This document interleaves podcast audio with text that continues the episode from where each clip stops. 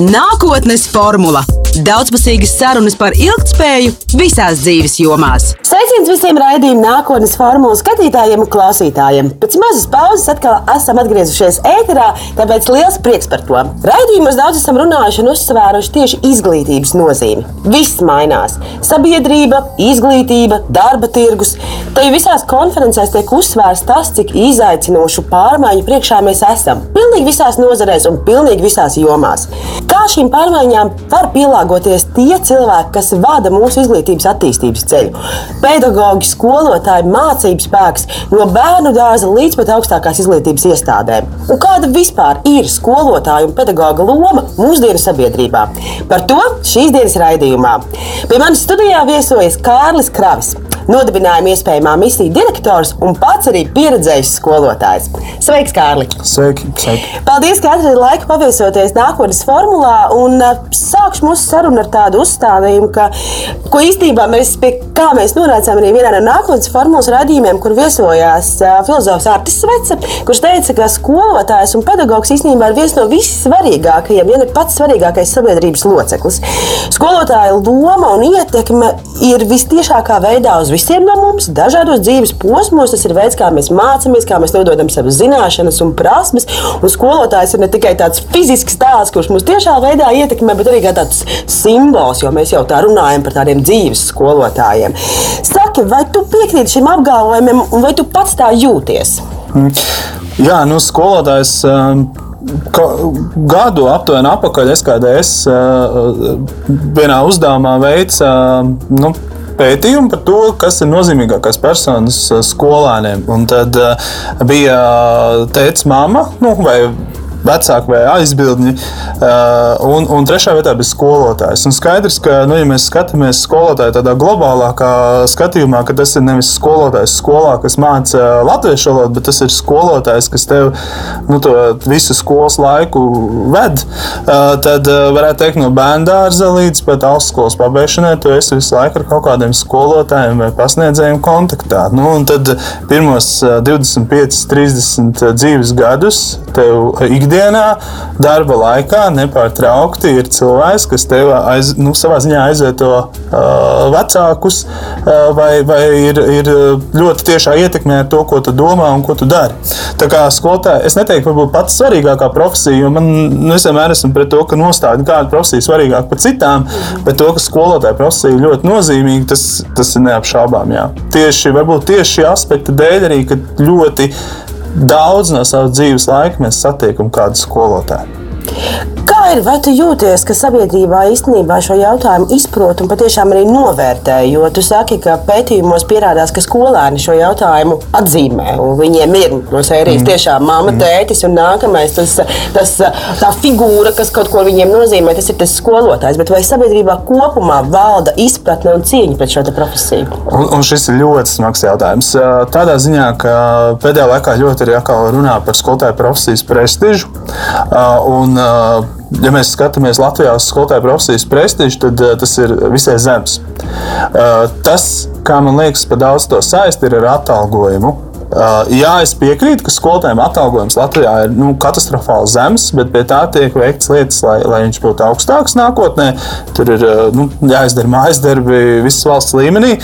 Uh, bet uh, tas, kā sabiedrība domā par profesiju, ir ļoti saistās ar to, kā pati profesija sev pasniedz. Tas nozīmē, ko paši skolotāji par sevi domā, ko viņi saka. 2016. gadā Līsda veica pētījumu, kurā pašiem skolotājiem prasīja, kā viņi novērtē savu profesiju. Viņi novērtēja diezgan zemu. Uh, un, ja šādu domu uh, pati profesija iet uh, sabiedrībā, tad arī sabiedrība sāk domāt, ka šī profesija nav cieņpilna, ka viņai nav nu, pietiekami augsts prestižs. Un, ja mēs skatāmies, ja mēs skatāmies kas vēl šādas profesijas blakus liekams, tad, piemēram, politiķiem arī Latvijā ir ļoti zems prestižs. Un politiķiem nav zems atalgojums. Un, tā kā teiksim, ir atalgojumi, vien to nevar saistīt. Bet to, ka skolotāji Latvijā līdz galam nav novērtēti, jā, to varētu piekrist. Tā ir. Tā reāli ir. Jā. Un tas laikam ir arī tā, tas, tā, ka, ka šis nenovērtējums sajūta, tas arī caurvīja šo kopējo. Nu, kas tu esi? Nu, nekas jau īpaši, nu es jau tikai skolotājs. Jā, es droši vien negribētu to turpināt uz negatīvās nodaļas, bet mm. viens labs piemērs ir divi labi piemēri. Viens labs piemērs bija no mūsu no iespējamās misijas absolventiem, kas aizgāja pie zobārsta. Viņam prasa, nu, kas, ar ko tu nodarbojies. Es esmu skolotājs. Mm, nu, tu gan nu, tā nav paveicies. Nav apmēram tā reakcija tāda, un kādu priekšmetu māci fiziku. À, Ok, kāpēc tu kaut ko tādu darīji? Un tu vēl esi vīrietis. Kāpēc? Nu, un, un kaut kāds tāds absurds, kaut kāds tāds absurds ir. Un, nu, ja mēs nu, skatāmies, kāpēc ir, tā, kāpēc ir tā doma, tad tur, protams, ir visādi vēsturiskie aspekti un, un, un dažādas lietas, kas, kas iet skolotāju profesijā līdzi. Tā skaitā tas, ko paši skolotāji saka, tā skaitā atalgojums, tā skaitā kādas kvalitātes izglītību viņi iegūst un, un tā tālāk. Okay, mūsu galvenais uzdevums šīs sarunas laikā ir parunāt par to nākotnes perspektīvu. Jo es jau sākumā ieskicēju to, ka mēs pilnīgi visās jomās un nozarēs runājam par šiem lielajiem izaicinājumiem un viennozīmīgi tie fundamentāli skar arī, skar arī izglītības sistēmu. Un īstenībā man šķiet, ka izglītības sistēma tas skar jau tādu soli pirms, jo izglītības sistēma ir tā, kas gatavo cilvēku nākotnē. Līdz ar to tas ir tāds, kā saka, double trouble, kas saka, mm. divkārt liels izaicinājums, kā domāt par visu šo procesu patiešām no bērnu dārza līdz doktora grādam, lai mēs cilvēku daudzu gadu laikā sagatavotu vēl tālākai nākotnē, kas sekos vēl pēc 10 un 20 gadiem. Kāda ir tava sajūta par to, kāds tad ir tas nākotnes skolotājs? Nu, kādām zināšanām, prasmēm un īpašībām viņam būtu jāpiemīt? Mm -hmm. Nu, viena lieta, ko mēs eh, ļoti daudz dzirdam, un par to tiek daudz runāts, ir, eh, ka mēs nevaram paredzēt, ko mēs darīsim pēc uh, pusgada. Man liekas, šis, šie apstākļi pašreiz ir absolūts piemērs tam, ka mēs nezinām, kas, ko nākotnē mums vajadzēs prast un mācīt. Tas, kas ir pašreiz skolotāja loma un pats skolotāja vārda definīcija, vēsta zināšanu, nodošanu, skolot, bet skolotāja loma nākotnē, un tas arī tas, kas Latvijā pašreiz notiek, ir vadīt procesu. Uh, un būtībā iedot bērnam rīkus, lai viņš mācās, lai viņš māca uh, savstarpēji re, reflektēt un sniegt atgrieznisko saiti viens otram, lai viņš prot meklēt, lai viņiem ir sapratne, ko nozīmē laba komunikācija, sadarbība, ka ir digitālās prasmes un, un, un tā tālāk. Turpināt. Un tā galvenā lieta ir tā, ka iedot bērnam lietas, ar kurām viņš nākotnē, pēc 20 gadiem, spētu izdzīvot jebkādos nu, izglītības vai darba vai vispār dzīves situācijās.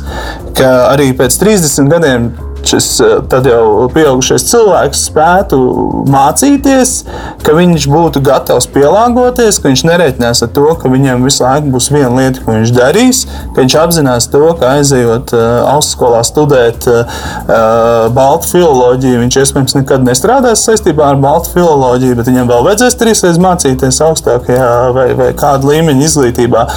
Tas ir skolotāja uzdevums. Būtībā, ja mēs to tā vizualizējam, tad ienāk klasē iedot stundai mērķi kopā ar bērniem. Vispirms bērni iedod stundai mērķi, ko mēs šodien gribam mācīties, un tad uh, skolotājs palīdz ar metodēm, kā bērni mācās. Bet viņš nav frontāls stāvētājs priekšā, kurš saka, kurš šis ir tā, tas ir tā, šis ir tā, un tā 40 minūtes.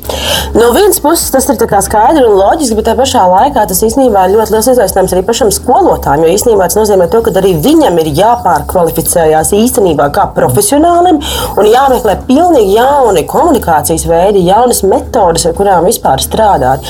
Kas ir tas, kas pašlaik ir no sērijas gaisā? Nu, kas ir tas, ko skolotāji mācās, ko viņi apgūst, un kur ir tas, tas lūzuma punkts, kas tad ir jāiemācās pašam skolotājam, lai viņš pēc tam varētu turpināt nodot to, ko mm. nu pat minēja šim savam audzēknim? Jā, nu viena lieta, kas, kas bija šī gada pavasarī, bija tas, ka ļoti daudz nu, sabiedrība un, un izglītībā strādājušie cilvēki saprata, ka, un arī skolotāji saprata, ka viņiem nav pietiekams digitālās prasmes. Un es domāju, ne tikai skolotāji, arī, arī uh, citos sektoros strādājošie vairāk vai mazāk saprata, ka uh, Zoom ieslēgt uh, vai attālināt sarunu ieslēgt, ko nozīmē pareizi datoru novietot, kameru ieslēgt, ko nozīmē uzlikt šērot ekrānu un tam līdzīgi.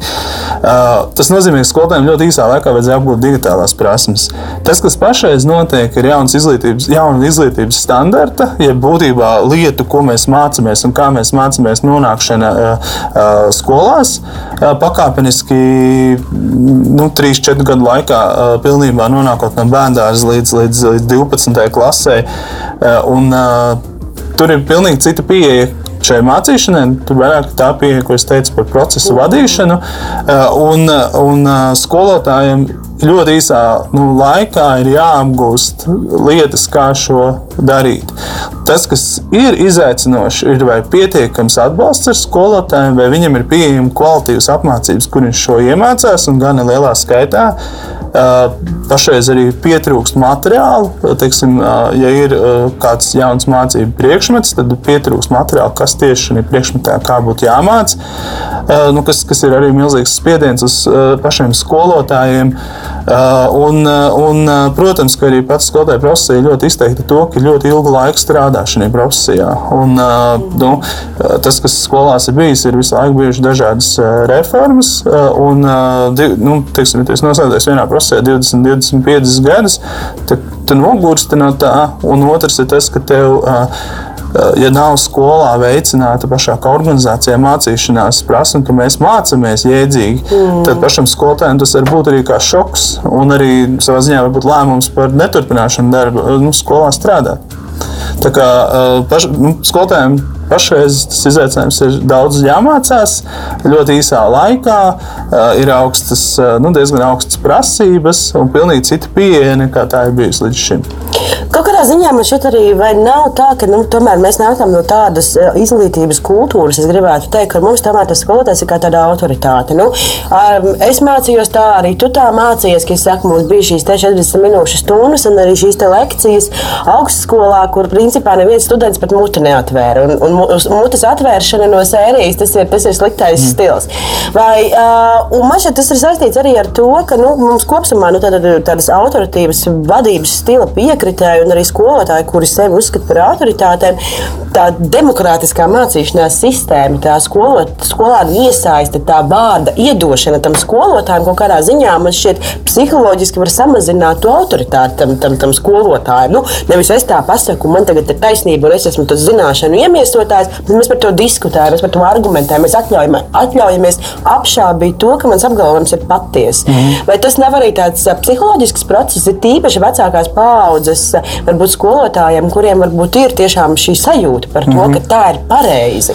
Jā, nu vecā, vecākās paudzes piebildīšu, varbūt tāpēc, ka viņi ilgu laiku ir skolā bijuši, bet es 21 gadu, 20 gadu vecumā sāku strādāt skolā, biju ļoti autoritīvs tajā brīdī. Un es to saistītu ar prasmēm, kādas prasmes ir skolotājiem. Un tas, kas ir svarīgi, ka es jau pieminēju par to atbalstu skolotājiem, ka viņi paši mācās mm. un ka viņi saprot to jēgu, kāpēc lekcijas novadīšana 8. klases skolāniem frontāli ar autoritīvu pieeju, ka, ja tu pacēl roku, protams, jā, pacēl roku, tu runā, bet, kad vēlēsies runāt, bet, bet nu, kad klasē jābūt klusumam, grupu darbs reti, sēžam visi vienāda veida solos un pēc vienāda izkārtojuma. Nu, kaut, kādas tādas, kaut kādas tādas lietas ir jāmācās tā jēga, kāpēc ir jāizkārt no tā rāmi laukā. Mm. Un, un tā, protams, nu, katram cilvēkam tā ir izkāpšana arī no komforta zonas, ka tādas lietas ir jā, nu, kaut kādas lietas, ko tu esi gadiem darījis, tev ir, tev ir jāmaina. Un tad cits cilvēks ir gatavāks, cits nav gatavāks. Uh, un tad, protams, mēs varam skatīties uh, arī uz skolotājiem, kas ienāk skolās kā jauni skolotāji. Tad, kas ir tas, ko viņiem māca, kas viņiem ir jāmāca un kāda pieeja uh, jāveido tam mācību procesam. Nu, kā vispār ir tā jaunā skolotāja ienākšana skolā? Tu strādā iespējamā misijā, kas tieši kā saka, akumulē to resursu, kas tad būs tie jaunie skolotāji. Jums ir arī saistība ar izglītības iestādēm, kas veido pedagogus. Plus vēl gaisā mums visu laiku man šeit ir tāda sajūta par to, ka to skolotāju trūkst. Mm. Un tu nevari saprast, kur tā problēma ir. Tie skolotāji, ne, vai tiešām tas ir tas atalgojums, vai tas profesijas prestižs, vai varbūt mums ir par daudz mācību iestādes, varbūt mm. tas mums īstenībā nevajag tik daudz kvantitatīvi tos skolotājus, bet drīzāk fokusēti, bet kvalitatīvi. Izstāst, lūdzu, kāds mm. Ir tas jaunā pedagoga ceļš līdz tam skolas solim, kur tad viņš nonāk līdz tai mācīšanai? Mm -hmm. Viena lieta ir tā, ka mums Latvijā, kas ir būtiski, mums ir deviņi bērni uz vienu skolotāju. Un tā proporcija ir viena no zemākajām, ja ne pats zemākā Eiropas Savienībā. Teiksim, ja mēs skatāmies Igauniju, Vāciju, Somiju, tad tur tie skaitļi ir 13 līdz 17 bērnu uz vienu skolotāju. Pat tiešām ir tā, kā tu saki, mums ir pat daudz izglītības iestāžu, bet tieši, šo, tieši tagad ir apstiprināts informatīvais ziņojums ministra kabineta sēdē par to, ka mēs pārskatām šo skolu tīklu un pakāpeniski iesim uz sakārtotāku sistēmu, kas ļaus pacelt algas, kas ļaus nodrošināt vairāk skolotājus un tā tālāk. Tā lieta, ka skolotāju trūkst un pārāk maz skaits ienāk jauno skolotāju, ir, ir, ir tas ir fakts. Tas nav unikāli teiksim, darba sektorā, jo IT nozarē un citās nozarēs arī trūkst cilvēku. Bet tieši nu, skolotāja lomas nozīmīgums uz sabiedrību un bērna, bērna izaugsmu ir tas, kāpēc, kāpēc tam pievēršam diezgan lielu uzmanību. Un, ja mums ir 25,000 skolotāji, tad 400 skolotāju trūkums mums ir, mēs redzam, ka tas ir ļoti būtisks aspekts. Mm. Jo 400 skolotāji satiks visdrīzāk 10, 15 tūkstoši bērnus. Un, Skolotāja ienākšana pašreiz ir vairākos ceļos iespējama. Ir iespējams, ka tu pēc vidusskolas ej studēt bakalauru, tad četrus gadus studē pedagoģijas bakalauru. Otrs ceļš ir mācītspēks projekts, ko īsteno iespējamā misija kopā Latvijas, Liepājas un Daugavpils universitātēm, ko Latvijas universitāte vadošais projekta īstenotājs. Un mēs Tas, ko mēs darām, tas, ko mēs kopā darām, ir tas, ka cilvēki, kas ir iepriekš ieguvuši augstāko izglītību, piemēram, minētajā Baltu filozofijā, IT nozarē, kādā inženierzinātnē, ekonomikā, ka viņi iztur trīs kārtu atlasi, tad viņi, ja viņi iekļūst labāko simts skaitā, viņi nonāk mācīt spēkā. Vasarā mācās, rudenī uzsāka darbu skolā, gada laikā iegūst skolotāju profesionālo kvalifikāciju, pēc tam otrajā gadā turpina saņemt atbalstu kā jaunie skolotāji. Un tas ir darba vidē balstīts formāts. Tas nozīmē, ka viņi iekļūst šajā studiju programmā, viņi uzreiz nevis iet lekcijās, sēž un studē, bet viņi četras dienas nedēļā strādā skolā un mācās mm. piekdienās. Un, tā ir pirmā darba vidē balstītā studiju pieeja augstākā izglītībā Latvijā. Un, tas ir veids arī, kā kļūt par skolotāju. Šādā veidā mēs tuvu simts skolotājiem katru gadu plānojam Latvijā apmācīt. Kas ir tie secinājumi, ko jūs kā iespējamā misija esat izdarījuši par šīm lietām? Labi, tie cilvēki iziet tam procesam cauri. Es pati personīgi pazīstu vairākus iespējamās misijas skolotājus, bet viņi, nu, kā saka, nostrādā varbūt gadus, divus, varbūt maksimums trīs, un tad vienā brīdī tas entuziasms noplūk, un viņi aiziet atkal mm. savās biznesos un, un, un, un tam līdzīgi. Vai tas ir ok? Kad ir šī mainība un ka šis ieguldījums, ko jūs kā mācības spēks akumulējat, tas ir nu, divi, trīs gadi maksimums, ko šis cilvēks mm. pavadīja tajā darba vidē, vai tomēr jūsu mērķis būtu radīt sistēmu, kas patiešām iedod tam skolotājiem kaut kādu perspektīvu uz nākamajiem desmit gadiem. Kas ir tas, mm. ko jūs par to esat sapratuši, kas strādā un kas nestrādā? Jā, nu es teiktu, ka mācīt spēks ir tas viens iemesls, kur iespējamā misija līdz šim 12 gadus ir kā nevalstiskā organizācija uzņēmusi dalību dalībnieks un tieši šādā formātā uh, ievilkus izglītībā, kā sākumā skolotājs, varbūt vēlāk nekā skolotājs. Uh, tagad tas ir notiek augstākajā izglītībā. Šī darba ideja balstītā pieeja četras dienas nedēļā strādā, piekdienās mācīties. Uh, tas, ko mēs esam uh, sapratuši, un tas, ko mēs redzam, ka ja jaunajiem skolotājiem, un tas nozīmē arī 50 gadus uh, cilvēkam, 50 gadus vecam, nonākot skolā, viņš ir jauns skolotājs, viņš nav iepriekš bijis skolotājs, ka viņiem sniedzot īstu atbalstu. Tas nozīmē vērot stundas, sacīt, kā tev nu, dot atgrieznisko saiti, kā tev veids, ko uzlabot. Atkal vērot stundas, ļaut viņam, at, dot viņam atbildes uz viņiem svarīgiem jautājumiem, dot viņam metodas, kā klases savaldīt, kā mācīt priekšmetu. Ja šādu atbalstu sniedz divus gadus, arī, un arī pēc tam pats skola spēja to sniegt ilgāk, tad viņš ilgāk paliks skolā. Bet, ja sko, jaunais skolotājs nonākot skolā, par viņu neviens nelieks nezinis, tad tas ir 3 līdz 5 gadu jautājums, ka viņš aiz skolā nebūs. Uh, un uh, tad tas, kas mācīt spēkā, ko mēs darām, mēs divus gadus sniedzam šādu atbalstu, kur nu, tam skolotājiem ir, ir brīži, kad viņš grib iet projām, bet viņš saņem visu laiku atbalstu, lai viņš paliktu skolā, lai viņam būtu prasmes savaldīt 8. klases 30 bērnus un, un tā tālāk. Tā kā nu, tā atbalsta lieta viena, es teiktu, pats svarīgākā, kāpēc arī iespējams misijas absolventi 70% kaut nelielās slodzēs skolotāji arī pēc 5, 7 vai 10 gadiem. Vai Arī es 4 stundas nedēļā mācu fiziku, ko gan es iespējams misiju absolvēju 10 gadus atpakaļ ir ar to klases savādīšanas aspektu? Jo, nu, protams, ir skaidrs, ka arī mainās šīs paudzes un mainās jaunieši, un viņi ir ievērojami atšķirīgāki. Ne jau nemaz nerunājot jau par cilvēkiem ar sirmām galvām, bet viņi ir atšķirīgi arī no mums, kas vēl joprojām principā sevi var ielikt bez mazliet jauniešu kategorijā pēc jaunajām Eiropas Savienības mē, mērauklām. Ja? Katrā ziņā jaunība viennozīmīgi vairāk par to, kā tu jūties, nevis kas tev ir ierakstīts pasē. Bet ir skaidrs, ka es arī skatos uz saviem studentiem, un mums šķir salīdzinoši maza gadu atšķirība. Un tik un tā es redzu ļoti liels, lielu to, to atšķirību starp to, kāda mēs esam cilvēki un kā mēs redzam pasauli spēja tikt galā ar šo lielo dažādību. Šis ir laikmets, kur dažādībai ir vieta. Jā? Mm. Agrāk mums visus sakrāmēja vienotos rāmīšos, mums bija no sērijas 3, 4 tipāži. Ja? Stilīgie, nestilīgie, agresori, pasīvie, upuri ja? un viss. Un, un, un tādā veidā mēs klasificējam klasi kā tādu homogēnu vienību. Mm. Tagad tajā klasē mums jau tajā 8. klasē ir 30 individi, kur iespējams katrs nāk ar savu kaut kādu uh, ģimenes fonu, ar savu sajūtu, ar savām kaut kādām ambīcijām, ar savu raksturiņu un vēl kaut ko.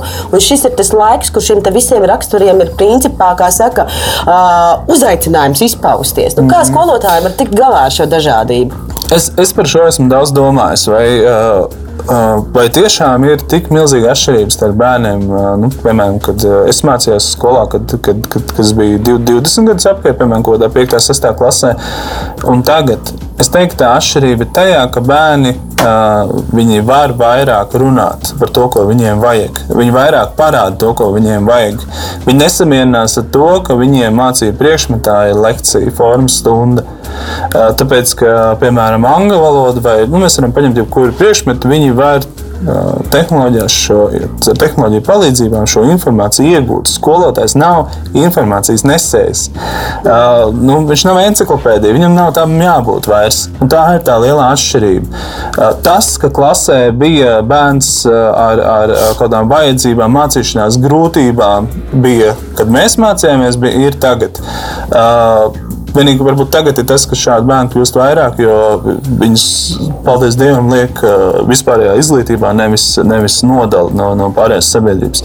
Uh, jā, tā kā kāds, kuram bija uh, izteikts tīņa vecums, kā bija tad, kā tā ir tagad. Bet tas, kas ir mainījies, ka bērni vairs negrib no skolotāja iegūt informāciju. Viņi grib uh, to informāciju lietot.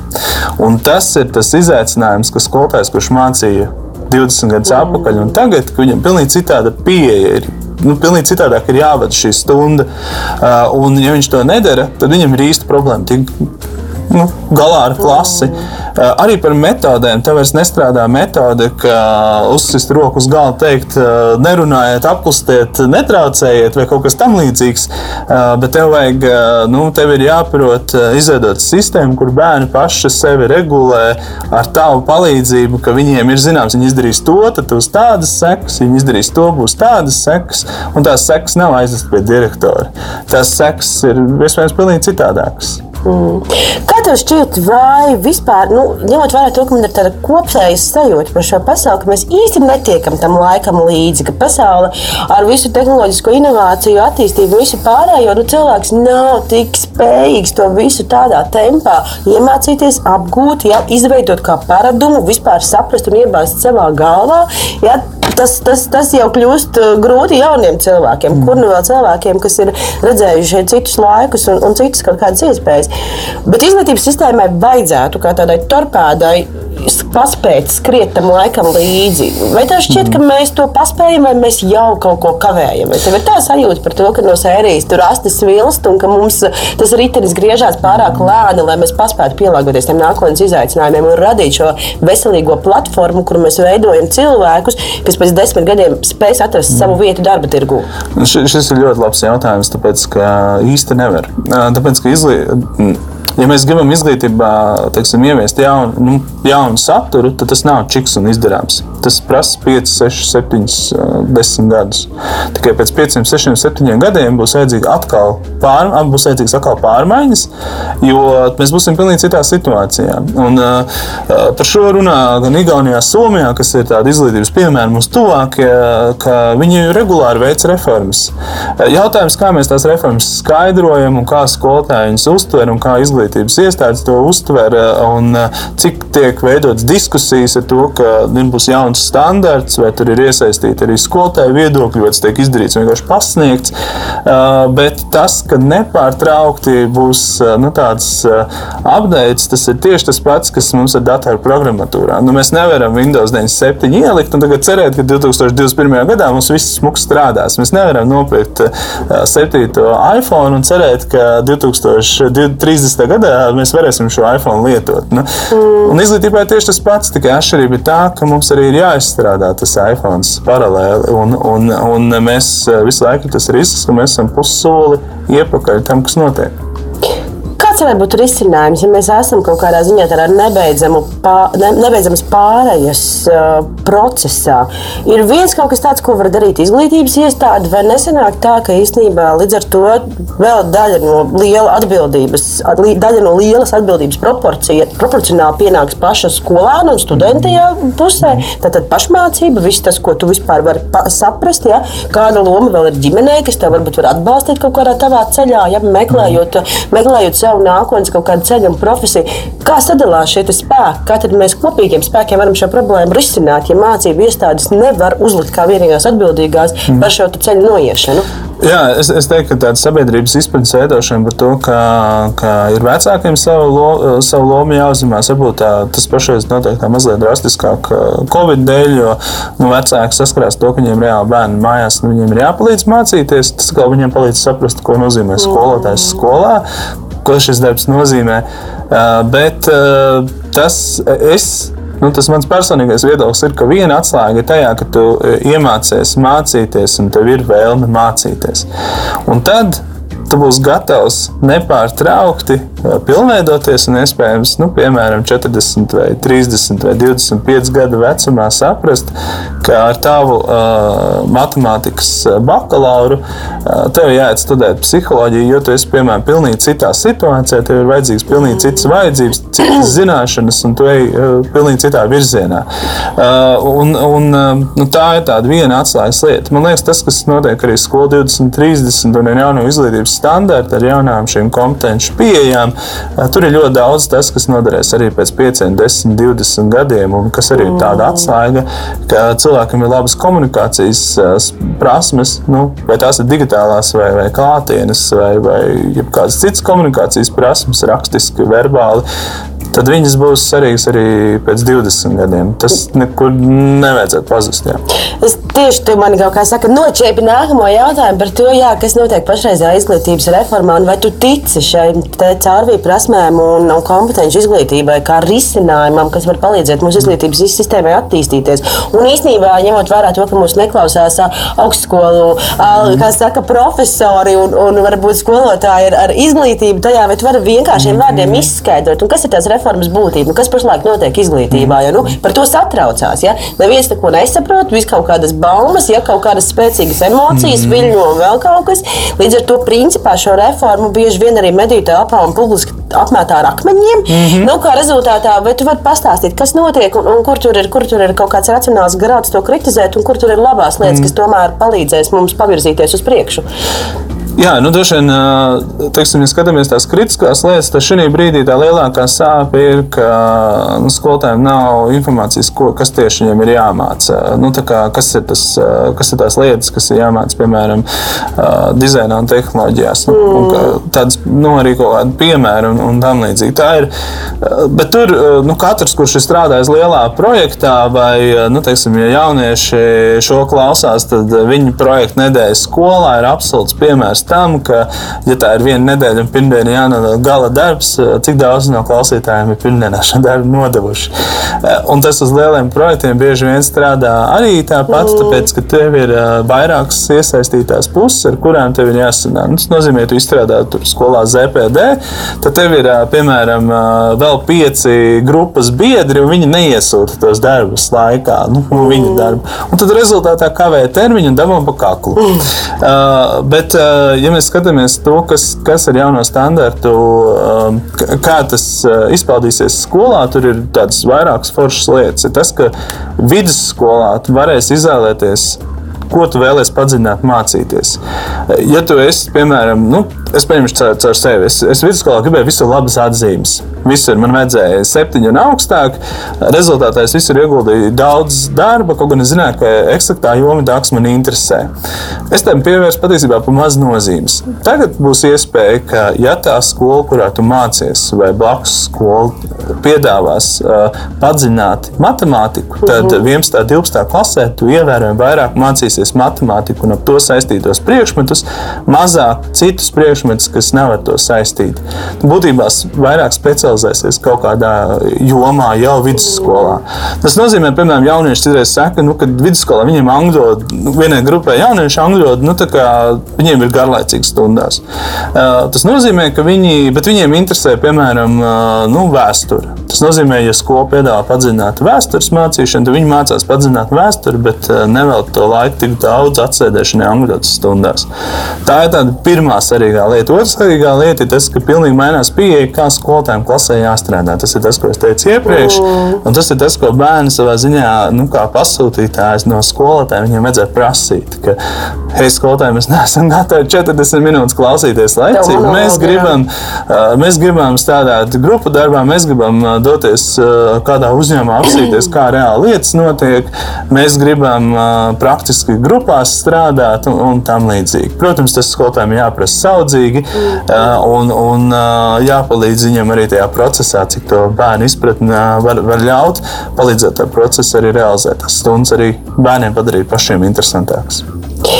Es domāju par tām izvēlēm tajā vidusskolā. Es pat atceros sevi tajā laikā, un es atceros ļoti to, kā man pietrūka skolā un ko es gribēju apgūt praktiski. Bet pēc tam, faktumā, pēc desmit gadiem, es saprotu, ka paldies Dievam, ka man nebija iespēja par šo lēmumu lemt.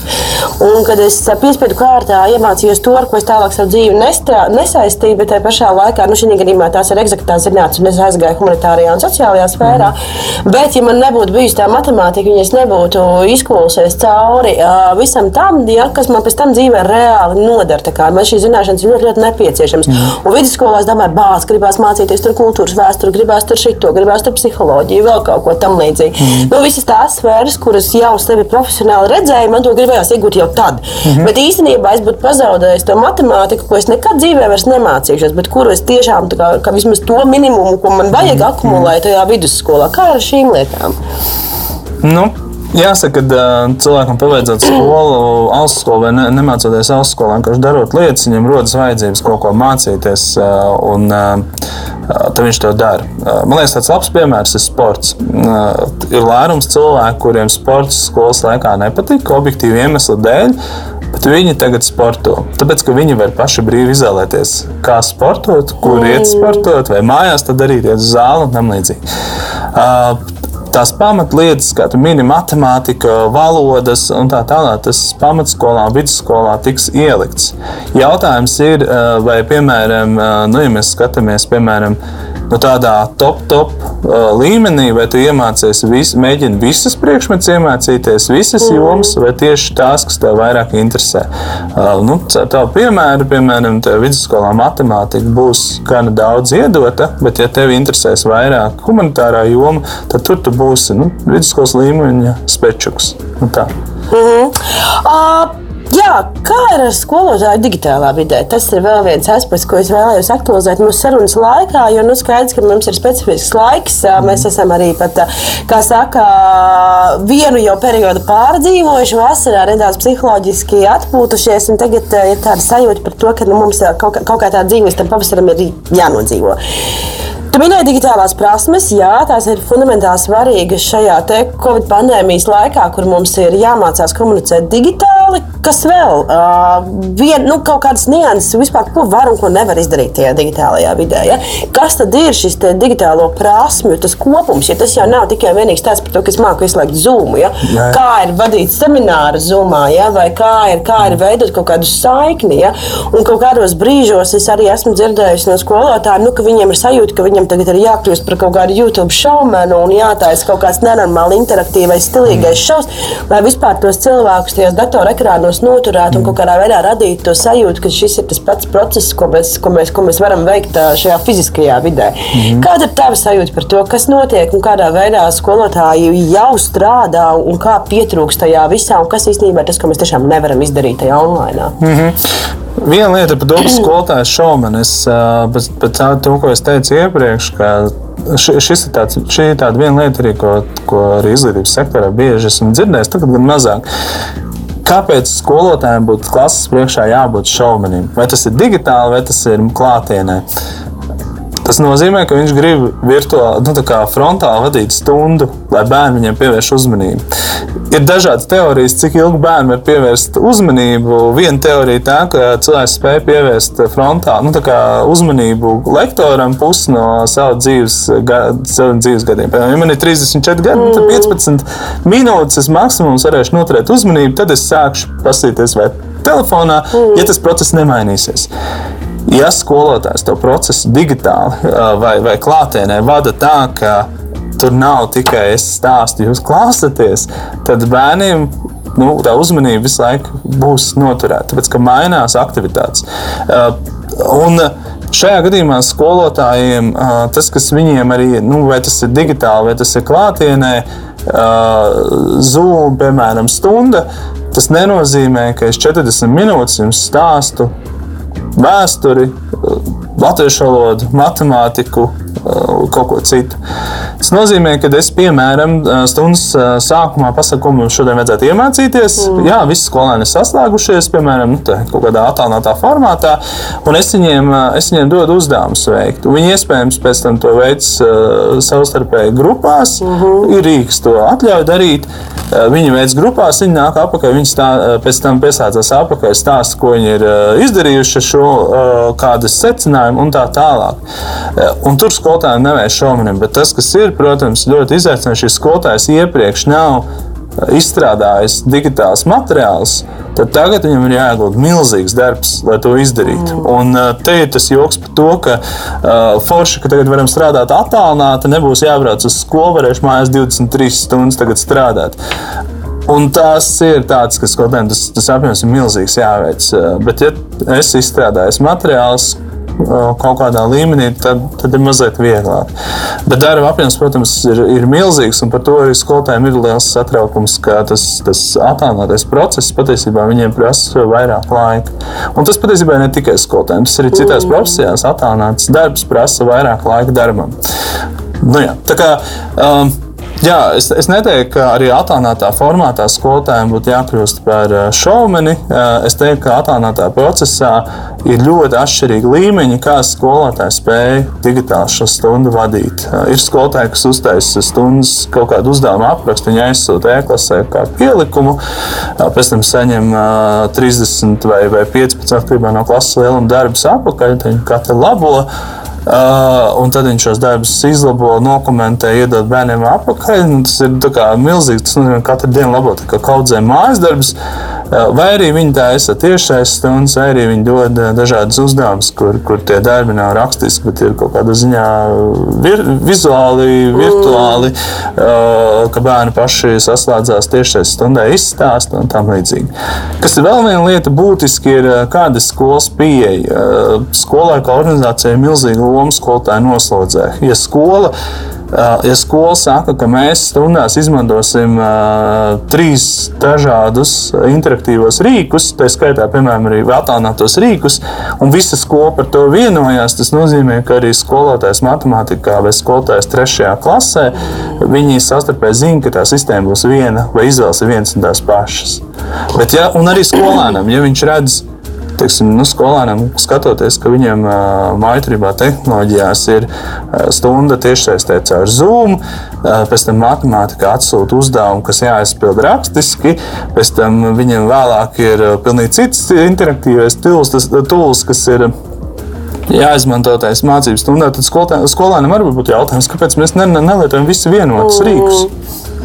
Bet kas ir tas, ko tāprāt nevar izdarīt online? Kur ir tas, kur ir, kur ir tas, tas, tas tā nepārvaramā barjera, vai, vai, vai tieši otrādi? Mm. Vai mēs varam nodublēt šo mācību procesu principā viens pret viens un apgūstot, pārdomājot, izprotot to, kā digitālā tehnoloģija mums var palīdzēt, mēs varam pārvarēt šo un tikpat labi kvalitatīvi mācīties tieši saistē kā klātienē. Mm -hmm. um.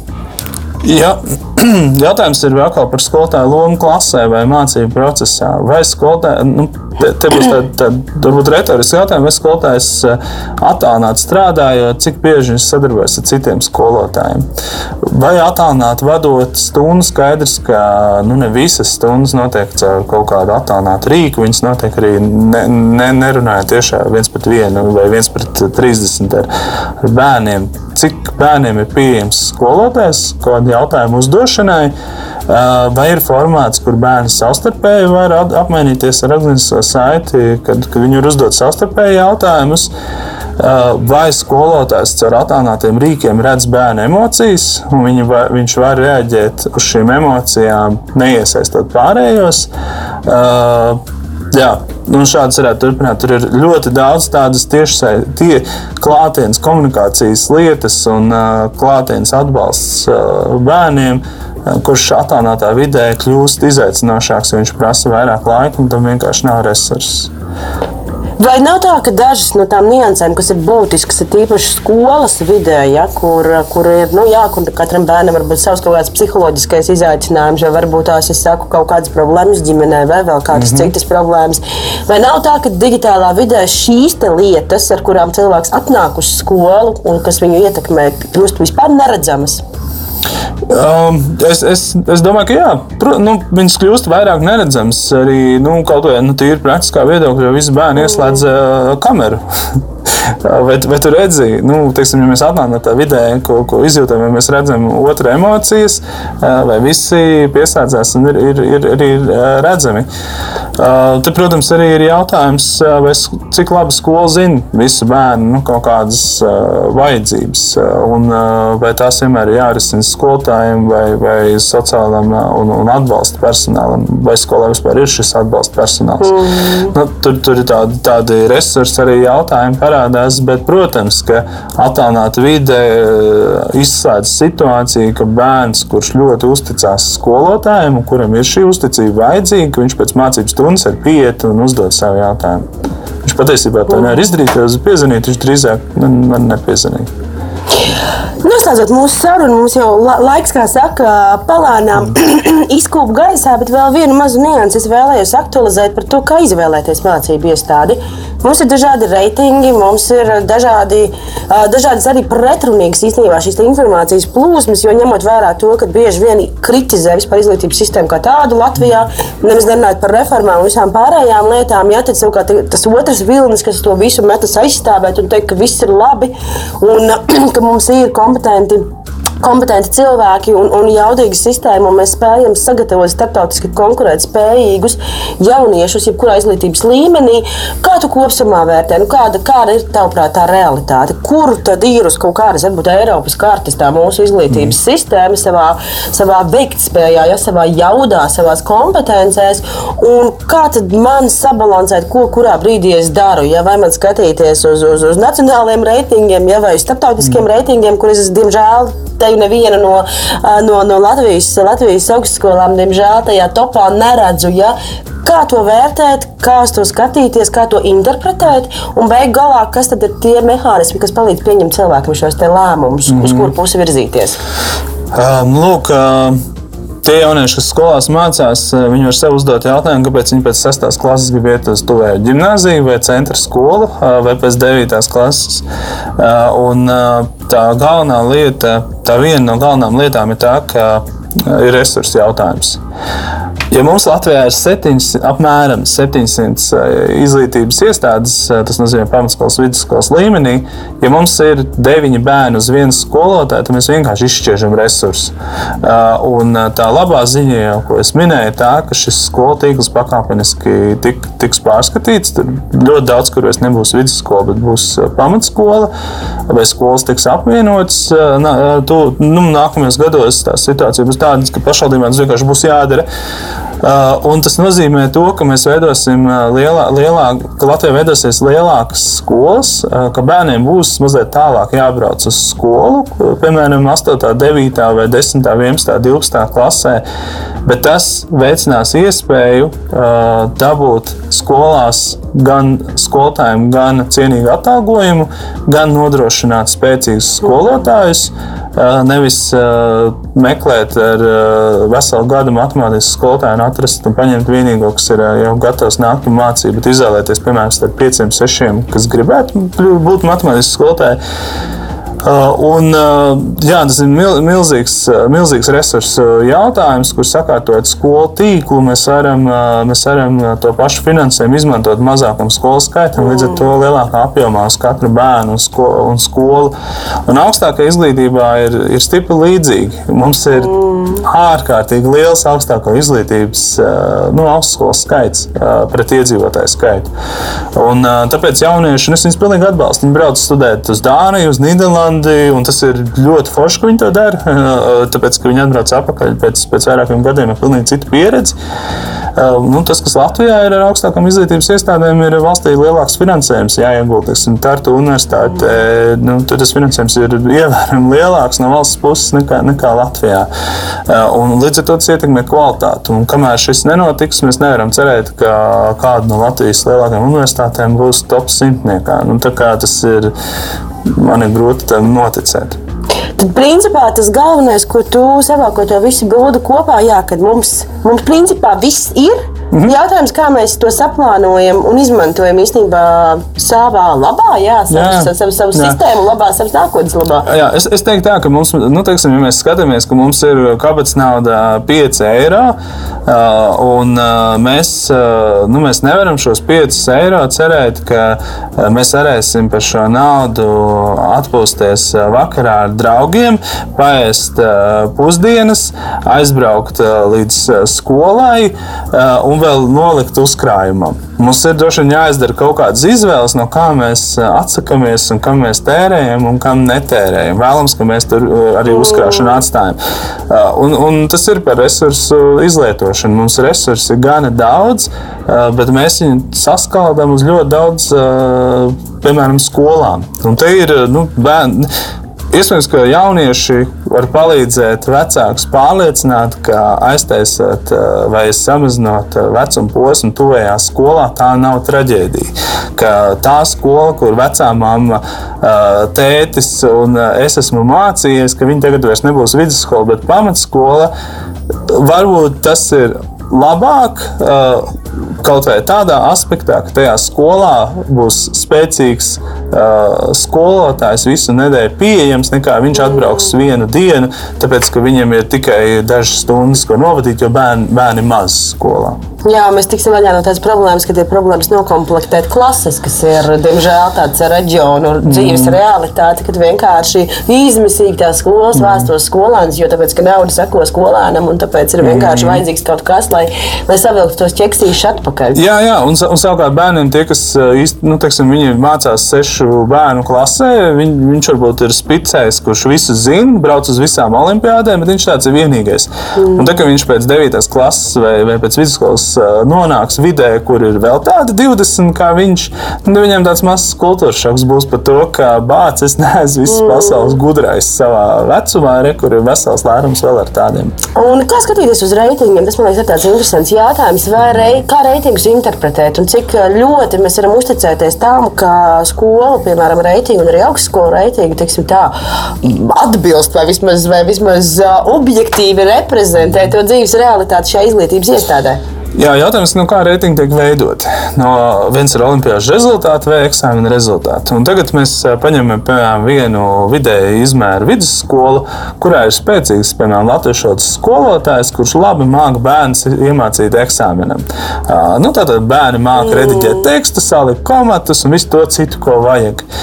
Ienīst varbūt latviešu valodu. un, bet eksāmena rezultāti ir labi. Un tad šis skolotājs no skolas aiziet un blaukts latviešu valodas eksāmena rezultāti ir zemi pēc tam. Mm. Cik tas ir objektīvi pateikt par šo skolu, ka šī skola, piemēram, man kā vide būs droša, un es tur neizjutīšu kā bērns mobbingu. Vispār tas neko nesaka. Ne. Uh, un, un šo mēs tā īsti kultivējam. Uh, diemžēl jaunajā skolu arī izglītības kvalitātes pieejā eksāmeniem, centralizētiem eksāmeniem ir iedot milzīga loma. Uh, joprojām tiks vērtētas skolas pēc tā, vai labi sasniegumi centralizētos eksāmenos. Un mēs turpināsim tiekties uz pilsētas centra gimnājām, kā tādām piemēriem, ka rekurors šī skola manam bērnam ir labākā. Un iespējams, viņš vakarā spilvenā raud, jo tur viņam dara pāri, bet par to skolā vispār nedomā un neviens to nevērtē. Vai arī man, piemēram, kā bērnam, tā skolas vide vienkārši nepatīk. Vai man, piemēram, konkrēti kā bērnam, tās skolas vide nav piemērota, ja es neesmu gatavs mācīties 32 bērnu klasē. Bet, lai izmērītu skolas jautājums, kāpēc vispār mums ir mērīt skolas, bet lai mēs skolas pateiktu, ka, kas ir tā piemērotā skola manam bērnam. Uh, un, un skolas pateikt, ka rekur viņiem ir tādos, tādos un tādos rādītājos labi rezultāti, tas ir ļoti sarežģīti. Eksāmenis izmērīt ir krietni vieglāk. Tur mēs iegūstam skaidrus ciprus, un mēs varam salikt. Jā. Bet, bet, uh, bet skola, nu, jā, tas, tas ir krietni sarežģītāk, arī ievērojami dārgāk, un tā ir tāda mm. kompleksa analīze. Es ceru, ka mēs Latvijā pēc uh, noteikta laika nonāksim līdz tam, ka būs pilnīgi vienalga, kuru skolu mēs bērnam izvēlamies, bet tā ir izcila skola, jo tā ir tā skola, kas atrodas Latvijā. Bet, lai to izdarītu, mums ir jāpārskata resursi, mums jābūt gataviem tam, ka mana mīļā skola, kur trīs paudzēs esam mācījušies, iespējams, man tūmā vairs nebūs, bet 20 km attālumā būs lielāka resursus pārdomātāka un, un jā, nu, jēgpilnāka skola. Mums jābūt tam gataviem, mums tas ir nu, jāpieņem. Mēs neesam divi, divi pār miljoni. Uh, un uh, tajā brīdī mēs varbūt arī mācīsimies saprast, ka centra gimnāzija nav dievs un tā nav varbūt labākā skola manam bērnam. Noslēdzot uh, mūsu sarunu, ko mēs visi izglītības iestādē, izglītības procesā iesaistītie, ar to es domāju, ka es, tur ir vecāki, tur ir bērni, tur ir skolotāji, tur ir sistēmiskās pārvaldības un uzraudzības iestādes, kas ir reprezentētas gan pašvaldībā, gan valsts līmenī. Kas būtu tas, nu, ko mēs visi varam darīt šī procesa labā? Mm. Lai mēs ātrāk tiekam uz priekšu, lai mēs, lai mēs neķeramies un nekāpjam uz veciem mm. grābekļiem, lai mēs nedzīvojam ar šiem veciem kompleksiem un nerunājam tikai par zemām algām un par to mīļo skolu, tad, kur tad tā omīte ir mācījusies un ko tagad lielie ļaundari klapē cieta. Kā, nu, kas būtu tās kaut kāds varbūt tāds vēlējums vai tāds sajūta, kā mēs visi varam iesaistīties un palīdzēt tam procesam? Viena lieta, ko es nu, tā kā Tie, kas par izglītību varbūt vairāk domājuši, jaunieši varbūt mazāk par to tā ikdienā aizdomājas, ir, ir tas, ka Latvijā lietas izglītībā strauji notiek labā virzienā. Tā ir viena lieta, kas, kas ir svarīgi pievērst uzmanību, lai, lai tās lietas pēc iespējas varbūt āt, nu, ar ātrāk ir grūti, bet ka viņas, nu, ka viņas reāli notiek, vai viņas notiek pārdomāti. Bet tas, ko es teiksim, varētu aicināt jauniešus, vecākus un visus padomāt par to, cik grūts savā ziņā un tā pašā laikā fantastisks ir skolotāja darbs. Uh, jo skolotājs ir atslēga, viena no galvenajām atslēgām par to, ko bērns dzīvē sasniegs. Uh, un varbūt ir kaut kādas lietas, kuras nu, konkrētais cilvēks, vai tas ir bērns vai vecāks, var padomāt, kā to skolotāju atbalstīt, kā ar viņu sarunāties. Kā varbūt viņiem palīdzēt, lai, lai tas skolotājs būtu drošāks par, par šo bērnu klasē, un viņš arī šo bērnu gribētu attīstīt par spēcīgāku nākotnes pilsoni Latvijā.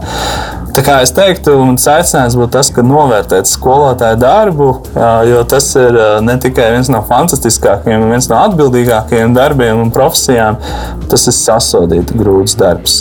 Un kaut vai to katrs teiksim, jaunietis var padomāt, cik grūti ir piemēram grupu darbā uzņemties atbildību par to, ka viss tiek izdarīts laikā, vai visi izdara savu darbu, un ka visi klausās, ko tas saka. Tā kā mēģināt to sajust, to skolotāju profesijas garšu arī pašiem jauniešiem, gan klasē, gan, gan kaut kādās grupas darbās, kopienās, un, un, un novērtēt to, ko tas skolotājs dara. Paldies tev par šīs dienas sarunu. Paldies! EHR studijā viesojās Kārlis Kravis. Skolotājs un nodibinājuma iespējamā misija direktors. Paldies jums par klausīšanos un skatīšanos. Līdz nākamajai reizei! Atā! Raidījums tapis sadarbībā ar Nacionālo elektronisko plašsaziņas līdzekļu padomi sabiedriskā pasūtījuma ietvaros.